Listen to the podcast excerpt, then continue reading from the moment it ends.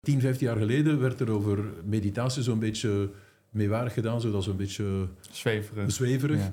Ehm, maar ook daar is er steeds meer wetenschap rond. Eh, in, in België is er een, een, een professor in de neurologie die heeft daar een boek over geschreven, eh, over alle wetenschappelijke inzichten ehm, die aan de basis liggen van, van eh, meditatietechnieken.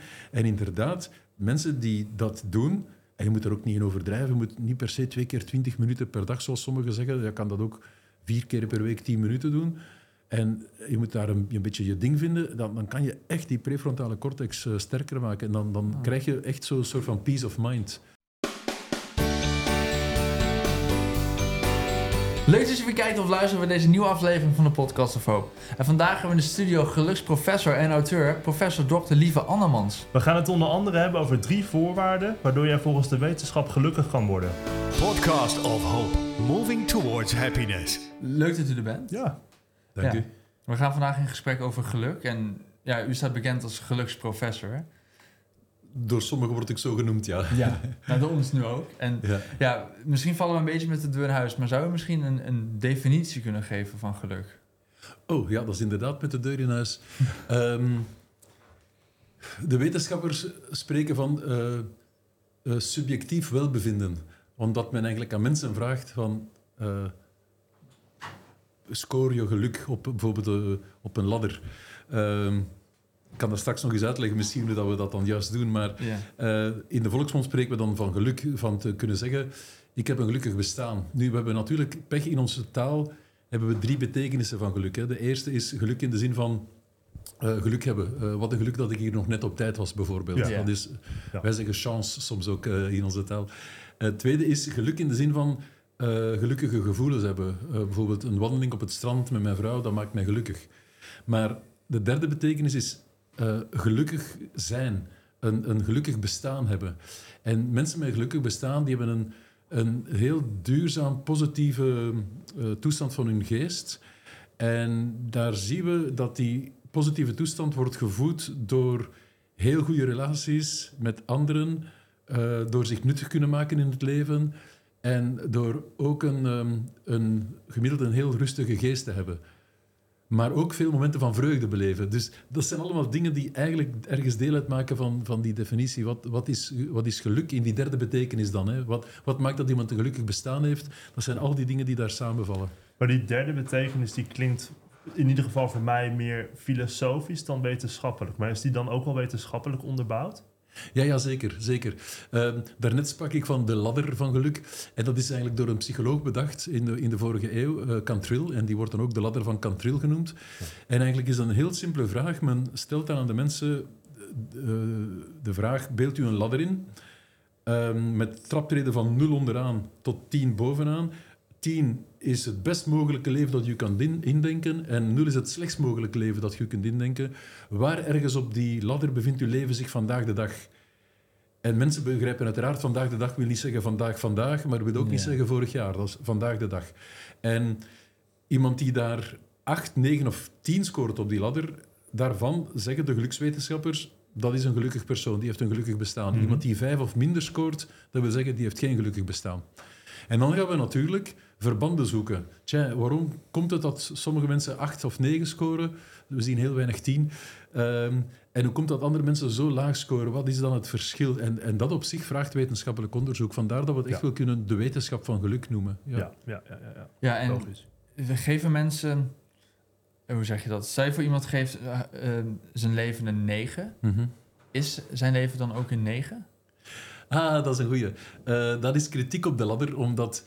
ehm, is de score echt een weergave van hoe dat je leven is? Ja. Of is de score een weergave van wat je denkt dat je op dat moment wenselijk vindt om te scoren? Oh, ja, Ehm, ja. En daarom dat we dergelijke vraag sowieso altijd anoniem stellen. Want als je dat iemand vi- via een interview eh, stemt, eh, ik zal nu de vraag aan jou stellen, dan gaan sommige mensen een, een eh, sociaal wenselijk antwoord geven. Van Ja. ik zal maar een 8 of een Ja, 9 ja. geven, dan laten ze mij voor de rest me- met rust. Maar dat is natuurlijk niet de bedoeling.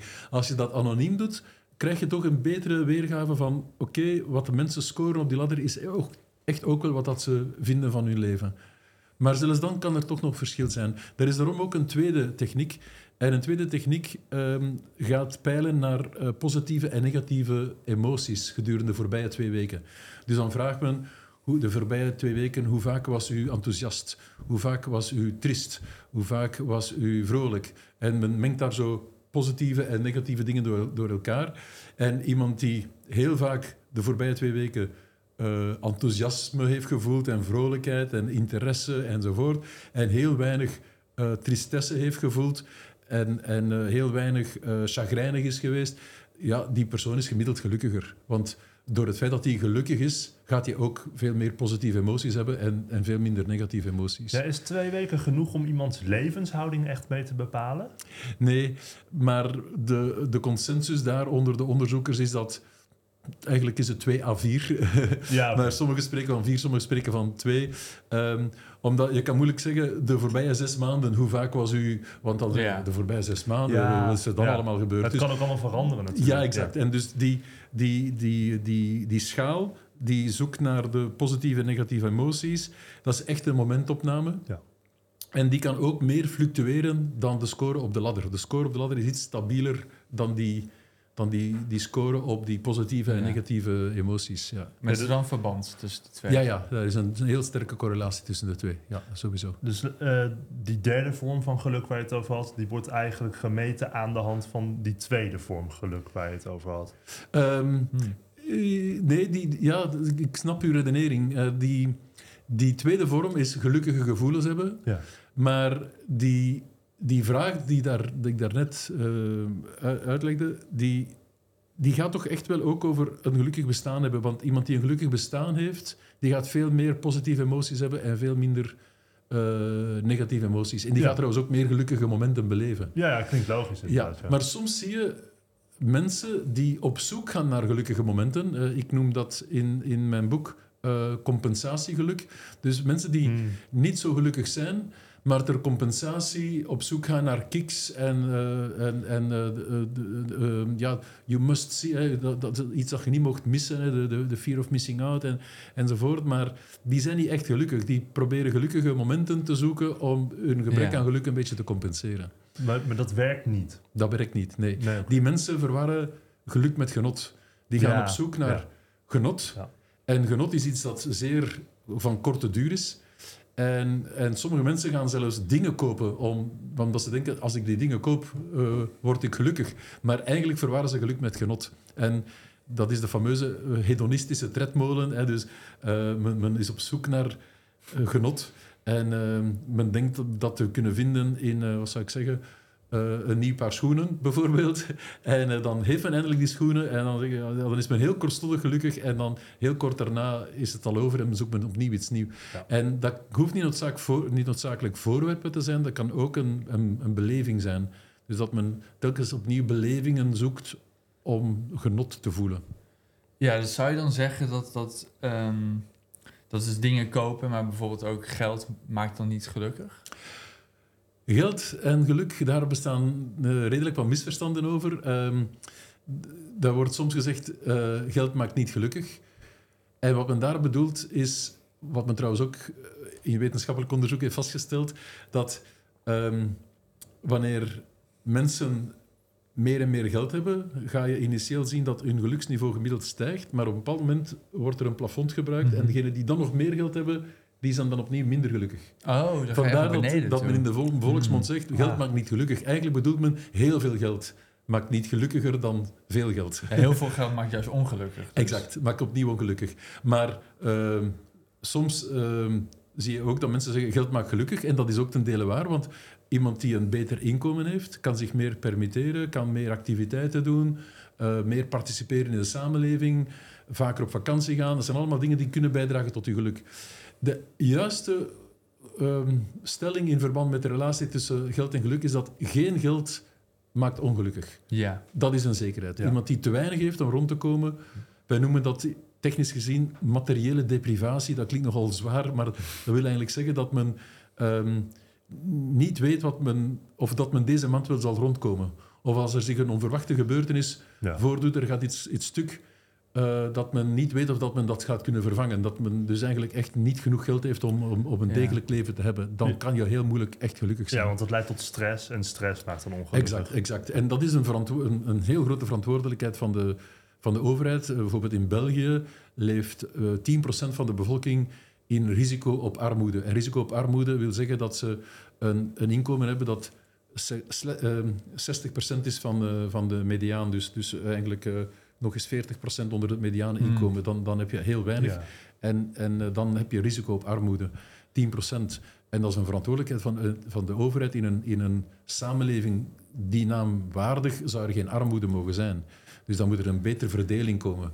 Trouwens, die heel rijken blijken dan toch niet zo gelukkig te zijn. Dus Ja. die zouden gerust een beetje meer kunnen afstaan Ja, om, om, eh, om minder armoede te om hebben. iedereen gelukkig te maken. Ja, exact. Ja, wat ik wilde zeggen, het zou waarschijnlijk per land dus veranderen in, in hoeverre geld van invloed is of je aan je basisbehoeften kan voldoen. Uiteraard, Eh, uiteraard. Waarschijnlijk in een land met minder, verzorg, met een minder grote verzorgingsstaat zou, dat, zou zo van dat niveau van waar zo van piekt, zou wel anders liggen. Ja, maar we zien bijvoorbeeld in de Scandinavische landen dat daar meer, gemiddeld meer voor de mensen wordt gezorgd. En daar zien we ook veel minder armoede. En niet toevallig zijn dat ook de landen die gemiddeld heel hoog scoren op de, geluks, op de geluksladder. Dus er is wel degelijk een, een sterk verband. Maar eigenlijk is het zo dat ehm, aan de basis om kunnen gelukkig te zijn, is er een verantwoordelijkheid voor de overheid. Want de twee belangrijkste pijlers daar zijn eh, voldoende geld, dus niet in die materiële deprivatie leven, voldoende geld en ook voldoende gezond. Zeker niet perfect gezond, maar een gezondheidstoestand die toelaat om buiten te komen, om te participeren, om,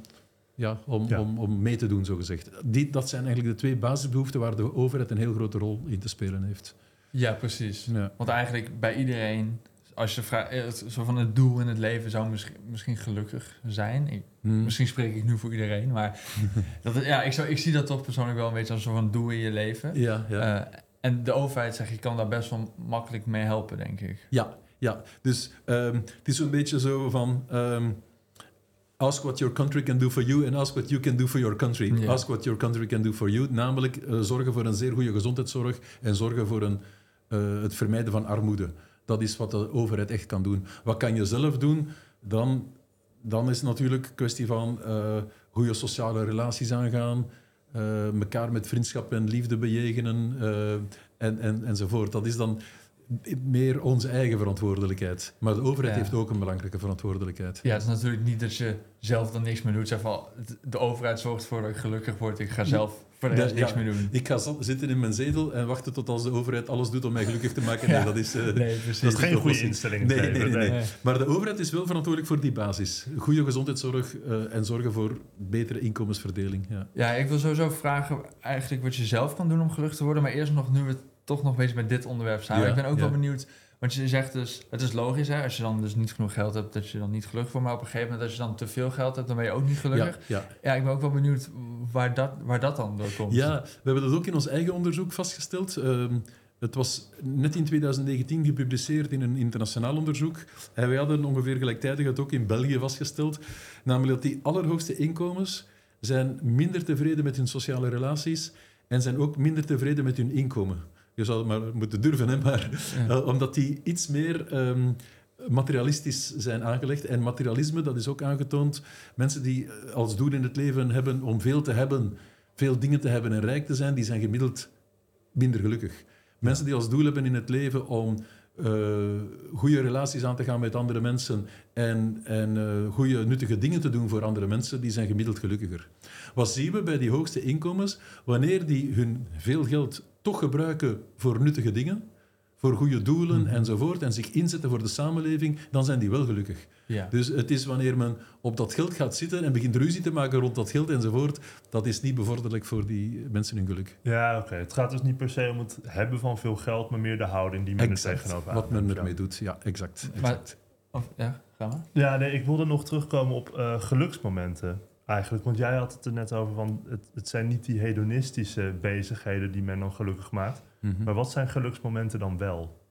Ehm, dat is eerder een, een, een vorm van, ja, door het, als je gelukkig bent, ga je ook meer geluksmomenten beleven. Ehm, Ja. Er zijn de fameuze Blue Zones of Happiness in de wereld. En er is bijvoorbeeld een stad in Costa Rica, ehm, eh, Carthago. daar zijn de mensen gemiddeld gelukkig. Maar die beleven ook heel veel gelukkige momenten. Die gaan elke gelegenheid te baat nemen om iets te vieren, Hmm. om, om, om, om met de buurt samen te komen Ja, ja. enzovoort.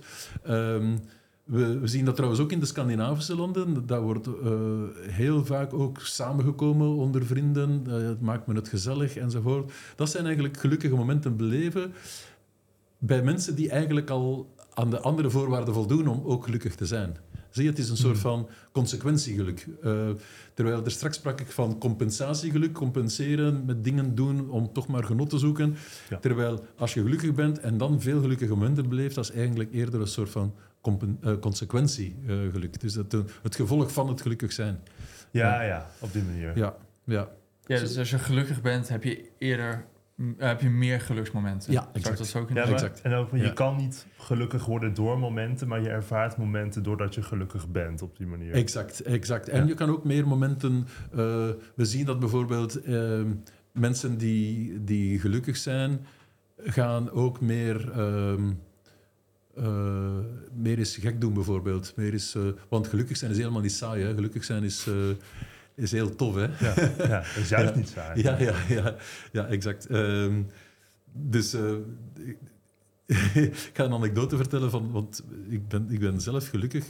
Eh, en eh, bijvoorbeeld mijn, mijn vrouw en ik, wij spelen soms nog eh verstopperke. Dus dat spelletje dat Ja. moet je gaan verstoppen. En, dus dat is een beetje gek doen, maar, maar dat is...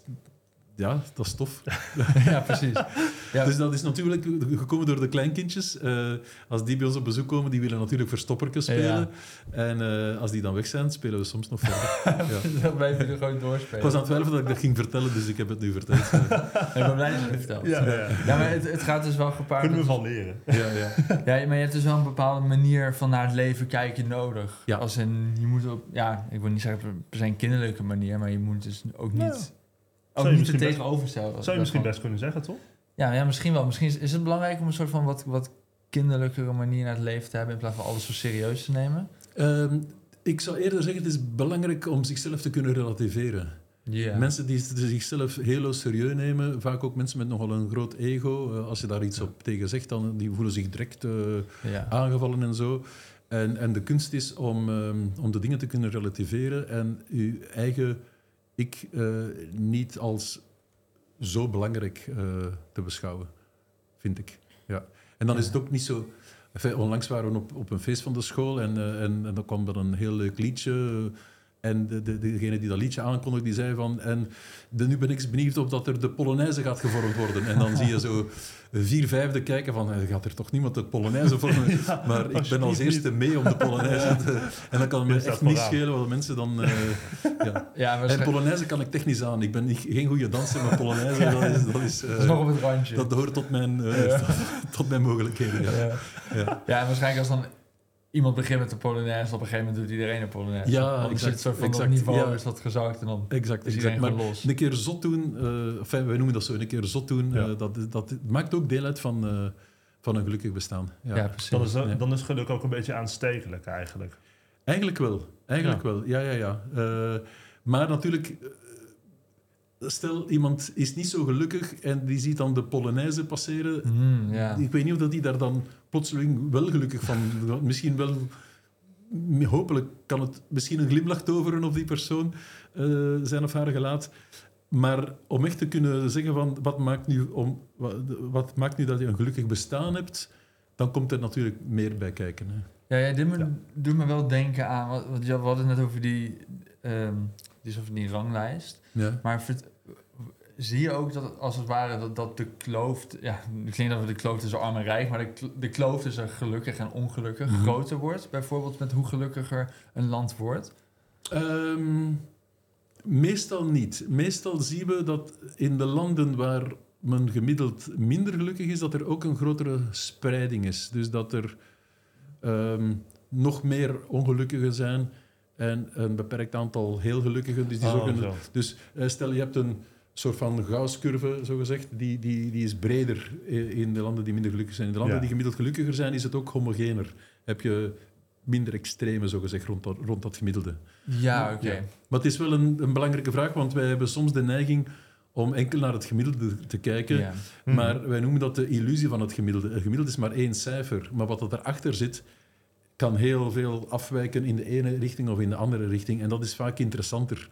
Die, die af, eh, waarom zijn er zoveel mensen echt ongelukkig en wat kunnen we daaraan doen? Dat is denk ik eh, veel belangrijker. Ja, want als er echt iets systematisch is waardoor bepaalde mensen echt, echt aanzienlijk ongelukkiger zijn. Mhm, En dat mhm. dan onder een soort van een gemiddelde een beetje wordt, wordt weggevaagd. Exact, exact. Ja, exact. precies. Dus vandaar dat wij, wij doen dan ook onderzoek naar wat zijn nu de factoren, wat zijn nu de kenmerken van mensen die niet gelukkig zijn. En uiteraard, we hebben er al twee besproken, eh, heel slechte gezondheid en heel weinig geld, dat draagt natuurlijk bij tot niet gelukkig zijn. Maar we zien mensen die wel voldoende gezond zijn en die wel voldoende geld hebben en toch diep ongelukkig zijn. En dat interesseert ons dan natuurlijk ook, want Ja. dan gaat het, Ja. naast die rol van de overheid, dan gaat het over wat kunnen wij zelf doen, voor onszelf en voor anderen, om gelukkig te zijn. Ja, want dat zie je vooral in welvarende landen waar die twee wel, Wel wel goed zitten. Ja. Maar je ziet ook voor, bij jongeren, ik weet, wat waren nou de cijfers? 40% van de jongeren ongeveer? Ja, zoiets. Ja, dat is, Ja. zou je vast wel beter weten. Maar 40% van de Ja. jongeren ongeveer die met mentale problemen Ja, ja, ja, ja, bij ons ook. eh, klopt, klopt. En dan moet je gaan kijken naar eh, wat, zijn, wat zijn dat de factoren die daarin meespelen. En daar zijn eerst en vooral drie factoren die de psychologen noemen dat de psychologische basisbehoeften. We hebben allemaal behoefte aan autonomie. Stel dat iemand anders je elke dag zegt wat je wel mag doen en niet mag doen, dat is niet bevorderlijk voor je geluk. Dat is autonomie. We hebben allemaal behoefte aan betrokkenheid, aan, aan, aan warme relaties. Maar ook relaties die voldoende diep gaan om een keer eh uw, hart bloot, eh, uw, uw hart bloot te leggen. eh, uw, uw ziel, sorry, Ja. ik heb de, uw ziel bloot te leggen. En en ehm, veel mensen hebben dat niet. Die, dus de- bij veel mensen wordt die behoefte aan betrokkenheid, aan warme relaties niet ingevuld. En de derde behoefte die we hebben is behoefte aan competentie om ons bekwaam te voelen. Hmm. En wanneer men aan één of meerdere van die drie behoeften niet kan voldoen, is dat, is dat nefast voor je geluk. En wat is nu heel belangrijk, we zijn daarvoor op elkaar aangewezen. Eh, autonomie, stel in een relatie, ehm, of stel jullie, hè, jullie werken samen, stel dat de ene altijd zal zeggen, we gaan het zo en zo doen, Hmm. en de andere heeft niks te zeggen. Ja, dan is dat niet bevorderlijk voor het geluk van die die niks te zeggen heeft. Ik wijs nu naar u, maar Ja. het is Ja. maar bij wijze Nee, maar zo- zo is het wel Ja. Nee, maar het Maar dat is ook niet bevorderlijk voor, het- voor die andere zijn geluk, Oh, nee, want die ene niet. gaat gefrustreerd geraken. Ah. En- Ja, dat is zo. Ja, en dus die relatie gaat, gaat verzieken. En, ehm, en dus voor autonomie ben je op elkaar aangewezen. Je moet daar een evenwicht vinden. Voor warmte en vriendelijkheid ben je uiteraard ook op elkaar aangewezen. Als je, als je geen warmte en vriendelijkheid geeft, is de kans klein dat je er terugkrijgt. Ja. En zelfs voor competentie ben je op elkaar aangewezen. Af en toe elkaar een pluim geven, af en toe elkaar een schouderklopje van maar je hebt dat goed gedaan. Dan zie je mensen zo, ehm, zo groeien eigenlijk. Ja. En, en, en dat wordt zo onderschat. En ook naar de jeugd toe, van, eh, als ouderen, van naar de jeugd toe ook die autonomie te geven, die eh, warmte en vriendelijkheid te geven, eh, hun, hun eh, steunen enzovoort. Dat is, dat is essentieel. Maar is dat iets van, die cijfers waar we net over hadden, is dat iets van deze tijd? Is het, wordt het voor jongeren moeilijker om gelukkig te zijn? Of is het iets wat altijd al is geweest? Misschien was het erger vroeger. Ehm, het, was, het was vroeger ook al, maar het was minder erg. Ehm, een groot verschil tussen nu en 30 jaar geleden. Want 30 jaar geleden was er ook al eh, eh, gejaagdheid en, en, en druk, druk, druk en zo. Eh, herinner me een liedje van Herman van Veen, hè, van Ja. opzij, opzij, Ja. opzij. Dat- dus dat was dus toen al. Maar het grote verschil is dat wij nu in die, ehm, die digitale transformatie leven en dat we blijkbaar altijd moeten bereikbaar zijn, hè, de, de, de fear of missing out, dat we blijkbaar dus niks mogen missen en dat we veel meer indruk krijgen. Onze, onze geest kan niet meer tot rust komen. En vooral die jongeren waar dat die geest nog volop in ontwikkeling is, waar dat ook hun sociaal netwerk nog in ontwikkeling is, daar kan dat, de, die overmaat aan digitalisering eh, toxisch zijn.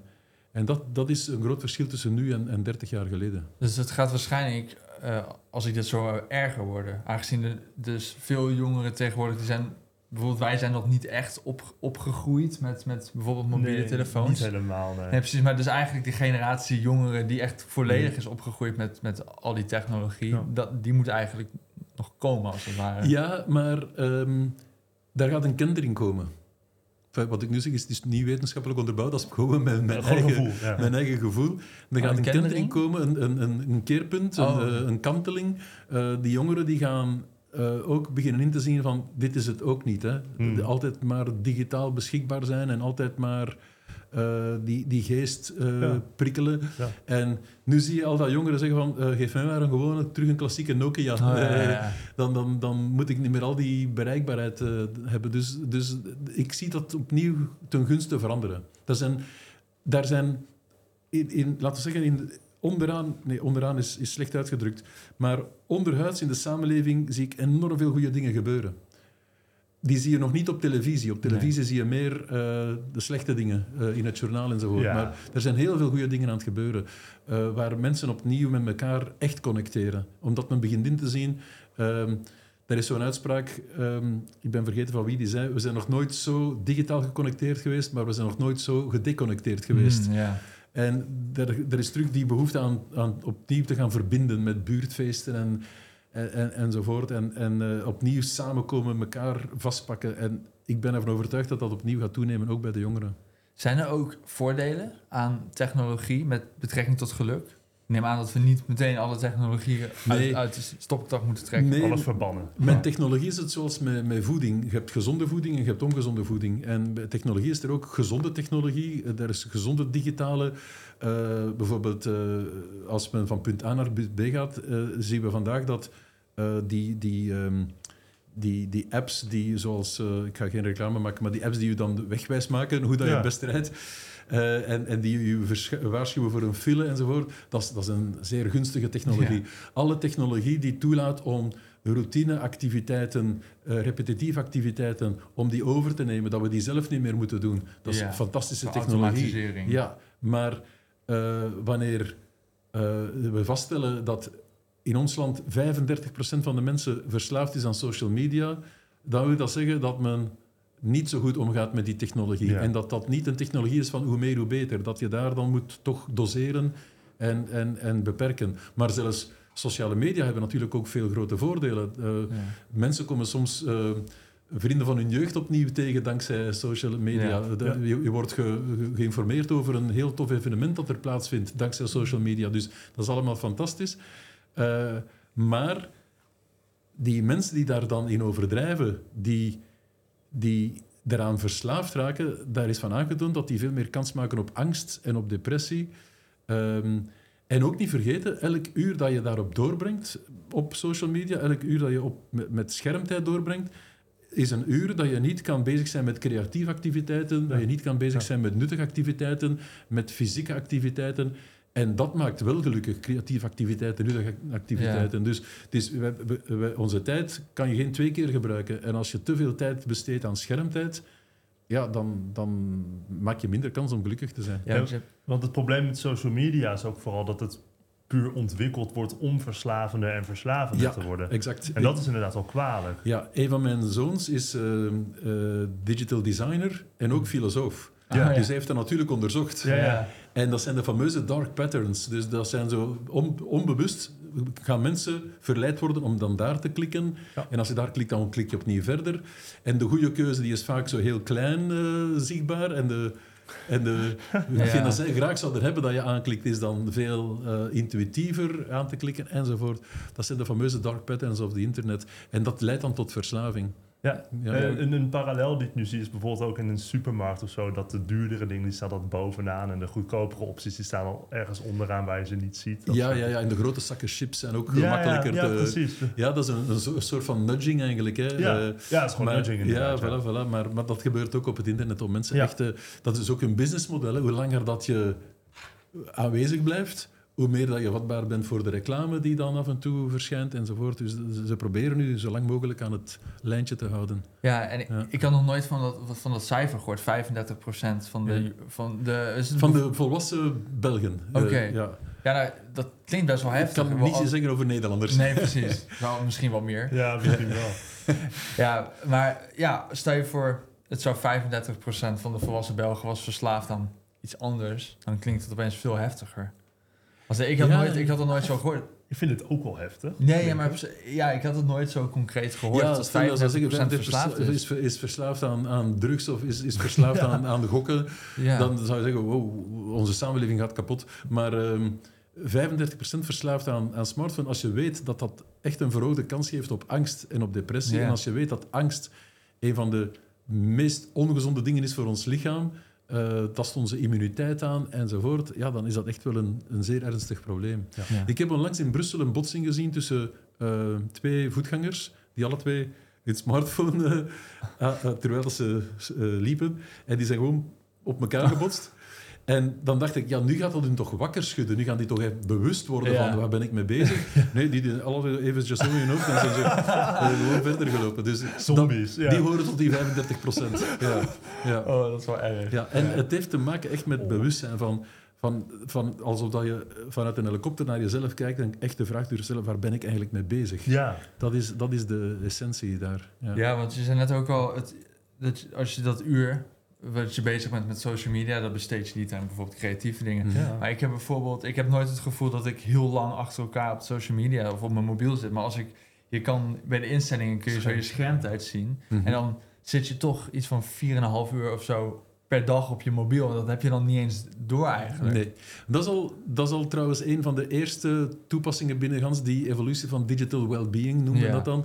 Dat is dat, dat men al die apps heeft dat je dan al je schermtijd kan zien. Dat is al, dat is al iets. Ja, En, en sommigen gaan daardoor al bewust worden. Eh, men heeft ook projecten van digital detox. Eh, wat- we gaan nu een keer een week zonder smartphone doen of een Mhm. week zonder eh, social media. Na die week is er dan compensatiegedrag van... Oh, ja, "Ah, ik heb het, ik, heb het kunnen uithalen, Oh. maar nu terug volle bak. Acht Eh, uur per dag? ja, wat, wat volgens mij beter werkt, is, is een soort van dagelijkse detox. Dat je gewoon dagelijks op een bepaald moment zegt van... Voilà, nu sluit ik af. Eh, ik zet vanaf 8 uur s'avonds mijn smartphone af en ik ben Oh, niet meer bereikbaar. ja. b- Bijvoorbeeld. Dus dat je dat echt je, je geest de nodige rust gunt. En, en ook laat merken, we zien dat zo- soms ook in werkomgevingen, dat mensen altijd maar bereikbaar moeten zijn. En dat men daar afspraken maakt van, oké, vanaf een bepaald uur moet je niet meer bereikbaar zijn. We laten je met rust. En vroeger was dat meer ingebakken in de samenleving. Er was de fameuze zondagsrust. Zondag is het Ja. rustdag. Mhm. En dan doen we niks. Dan, dan schenken we on- onszelf rust. En we zijn nu veel meer beschikbaar. En, en dat is iets dat we opnieuw moeten aan werken. Om, om die beschikbaarheid terug eh, een beetje in te perken. Ja. Ja, precies. Ja, en dan misschien ook niet alleen bij smartphones, maar inderdaad, zondag was inderdaad dat een soort van rustdag. Maar Ja. ja, je hebt eigenlijk niet echt rustdagen meer. Jij bent wel, je bent natuurlijk wel twee dagen per week vrij, maar ja, maar in die vrije dagen is men ook maar... ja, Ik vergelijk het soms met een, met een bal in een, in een flipperkast. wordt afgeschoten en van hier naar daar. En je wordt geleefd. Je leeft niet, je wordt geleefd. En de kunst is opnieuw bewustzijn te ontwikkelen. Dat is, eh, en dat is mogelijk. Hè? Mhm. Dat is, eh, men, men kan dat trainen. Hè? Dat is een bepaald deel van onze hersenen, de, de prefrontale cortex. Als je die opnieuw sterker maakt, dan versterk je ook je bewustzijn. Dan ga je opnieuw meer eh, nuanceren, eh, reflecteren over de dingen. En een typische techniek om die sterker te maken is meditatie. Eh 10, 15 jaar geleden werd er over meditatie zo'n beetje meewarig gedaan, zodat zo'n beetje Zweverig. zweverig. Ja. Ehm, maar ook daar is er steeds meer wetenschap rond. Eh, in, in België is er een, een, professor in de neurologie die heeft daar een boek over geschreven, eh, over alle wetenschappelijke inzichten ehm, die aan de basis liggen van, van eh, meditatietechnieken. En inderdaad, mensen die dat doen, en je moet er ook niet in overdrijven, je moet niet per se twee keer twintig minuten per dag, zoals sommigen zeggen. Je kan dat ook vier keer per week tien minuten doen. En je moet daar een, een beetje je ding vinden. Dan, dan kan je echt die prefrontale cortex eh, sterker maken. En dan, dan krijg je echt zo'n soort van peace of mind. En dat is heel, heel belangrijk. En ehm, het is een beetje zoals trainen van je lichaam. Hè. Je moet je ding wat vinden. Sommigen joggen liever, anderen eh, zwemmen liever, anderen fietsen liever.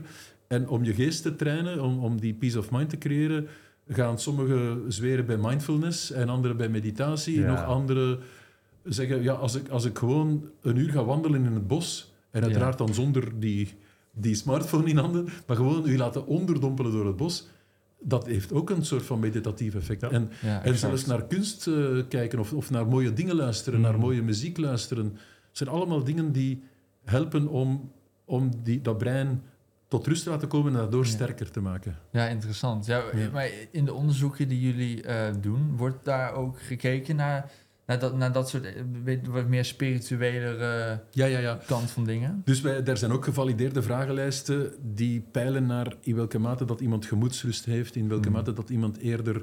Ja, je, je ziet dat soms mensen die nooit gemoedsrust hebben en altijd prikkelbaar zijn enzovoort. En als je dan gaat kijken naar wat dat die dan doen van activiteiten, dan zie je drie soorten activiteiten die eh, bijdragen tot een, een veel betere gemoedstoestand. Dat zijn creatieve activiteiten, dat kan puzzelen zijn, maar dat kan ook haken of breien. Of, eh, dus op dat moment is men enkel daarmee bezig. Ja, Dat is de- meditatief als het Exact, ware. Ja. exact.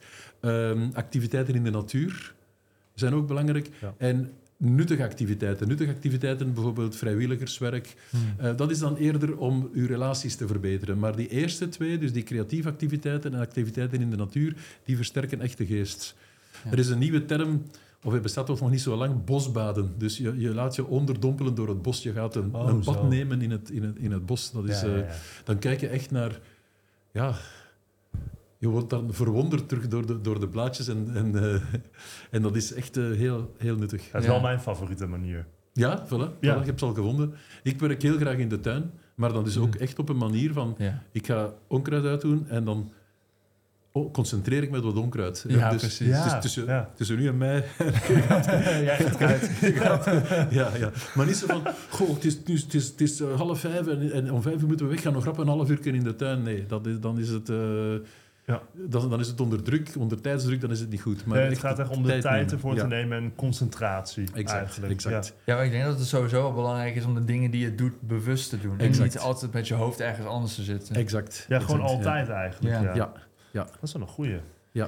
En het is niet zo dat iemand die dan veel gemoedsrust heeft, dat dat iemand is die dan zo zegt van oh, go with the flow en niks kan mij nog schelen. En, Dat die gewoon de hele Ja, dag som- lachen. soms ook wel waarschijnlijk. maar- Ja, soms wel, maar daar is een, daar is een, een model eh, uitgewerkt door, door een, een, een Vlaming, Joost van Hoven, en dat heet het, het PAVA-model. En de P staat voor perceptie. Iemand die zijn brein goed traint, die gaat ook een veel betere perceptie hebben. Die gaat bijvoorbeeld niet bij alles gaan veronderstellingen doen. Sommige mensen doen dat. Bij alles wat ze zien, Ja. veronderstellingen doen of, of negatieve gedachten. Ik ga een Mhm. voorbeeld geven. We zijn, stel voor, in de herfst. Je, je hebt een terras en je staat ochtends op en je terras ligt vol bladeren van, van, die gevallen zijn van de bomen. Iemand met een slechte perceptie die gaat zeggen: Verdorie, mijn terras is weer al vuil. Eh, het is altijd hetzelfde met die herfst. Ja. En iemand met een goede perceptie die gaat zeggen: Amai, wat een mooie herfstkleuren die ik hier vandaag zie. Dat bedoelen we met een goede perceptie. De dingen zien zoals ze echt zijn.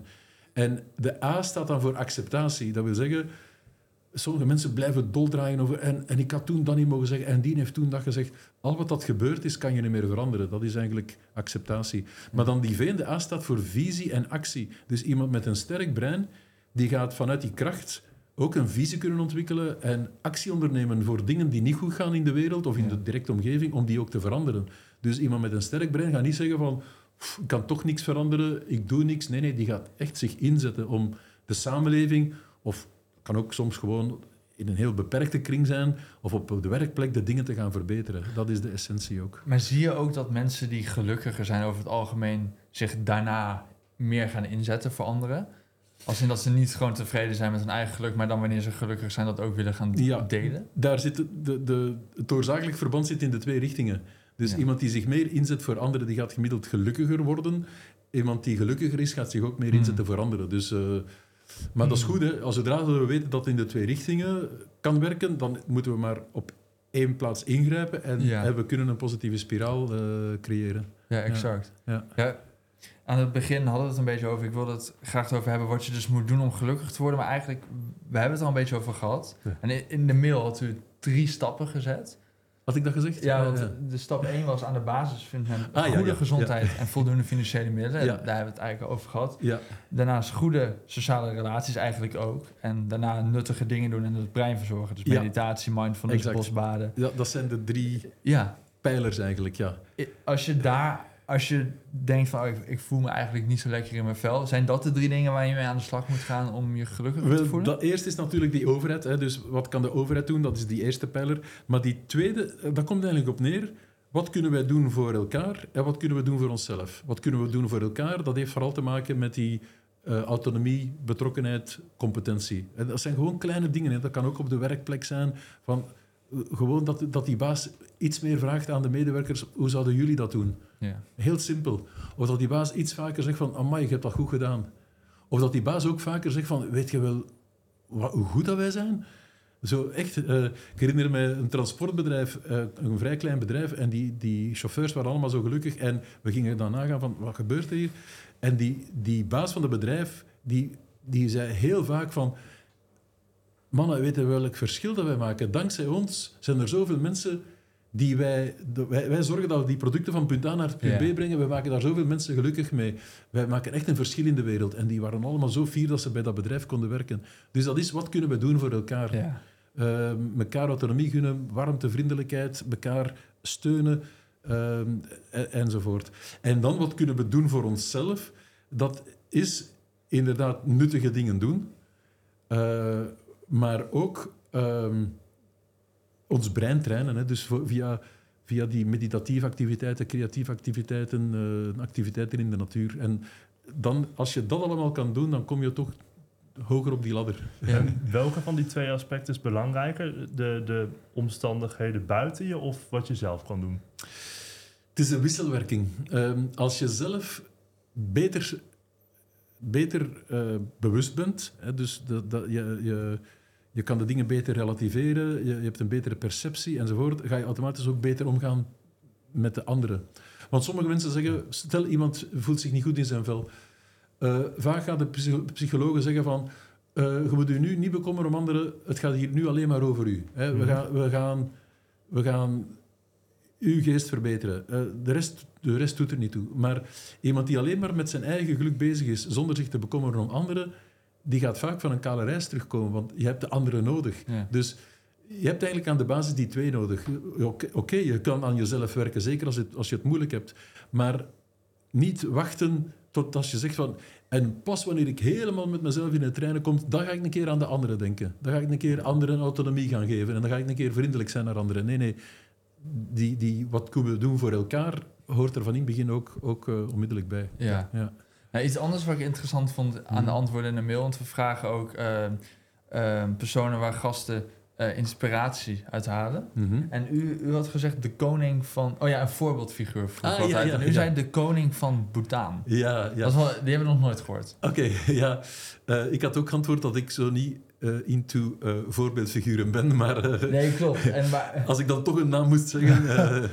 wel, omdat Bhutan het eerste land is in de wereld waar men gezegd heeft: we gaan voor het geluk van onze, van onze inwoners. We gaan voor het bruto nationaal geluk. We kennen allemaal bruto nationaal product. Wij gaan werken aan het bruto nationaal geluk van onze inwoners. We gaan daar acties voor ondernemen en, en we gaan onszelf daar ook op, op, ja, op, op, op bijsturen en, en meten dat we daar succesvol in zijn. En, en de koning van Bhutan is natuurlijk geen al te groot land, heeft dan alle uithoeken van het land gaan bezoeken en, en scholen gaan bezoeken en, en, en echt laten merken, ik neem dat serieus en hoe, hoe kunnen we het geluk van de mensen verbeteren.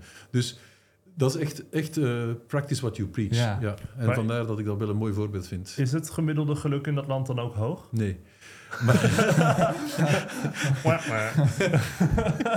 En ja, dat is het einde zeker van de uitzending. ja, precies. Het heeft geen zin allemaal.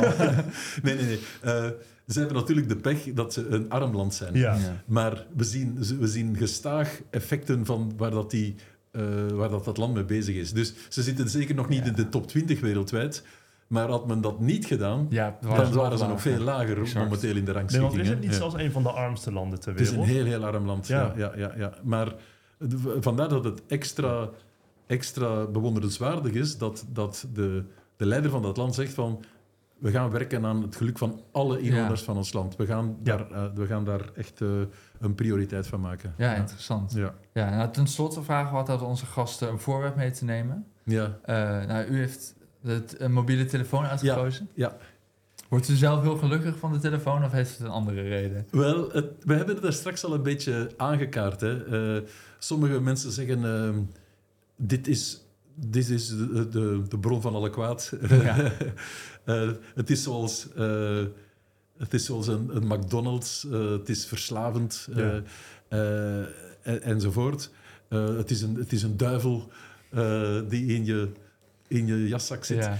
Maar eigenlijk is het eerder, zoals ik er straks zei, ehm, eh, we kennen allemaal... Wij, in, in Vlaanderen hebben wij zo een, een concept, we noemen dat de, de voedingsdriehoek. En dat is een omgekeerde driehoek. En bovenaan in de driehoek staat alle voeding die gezond is. Eh, groenten, fruit, Mm. peulvruchten enzovoort, water.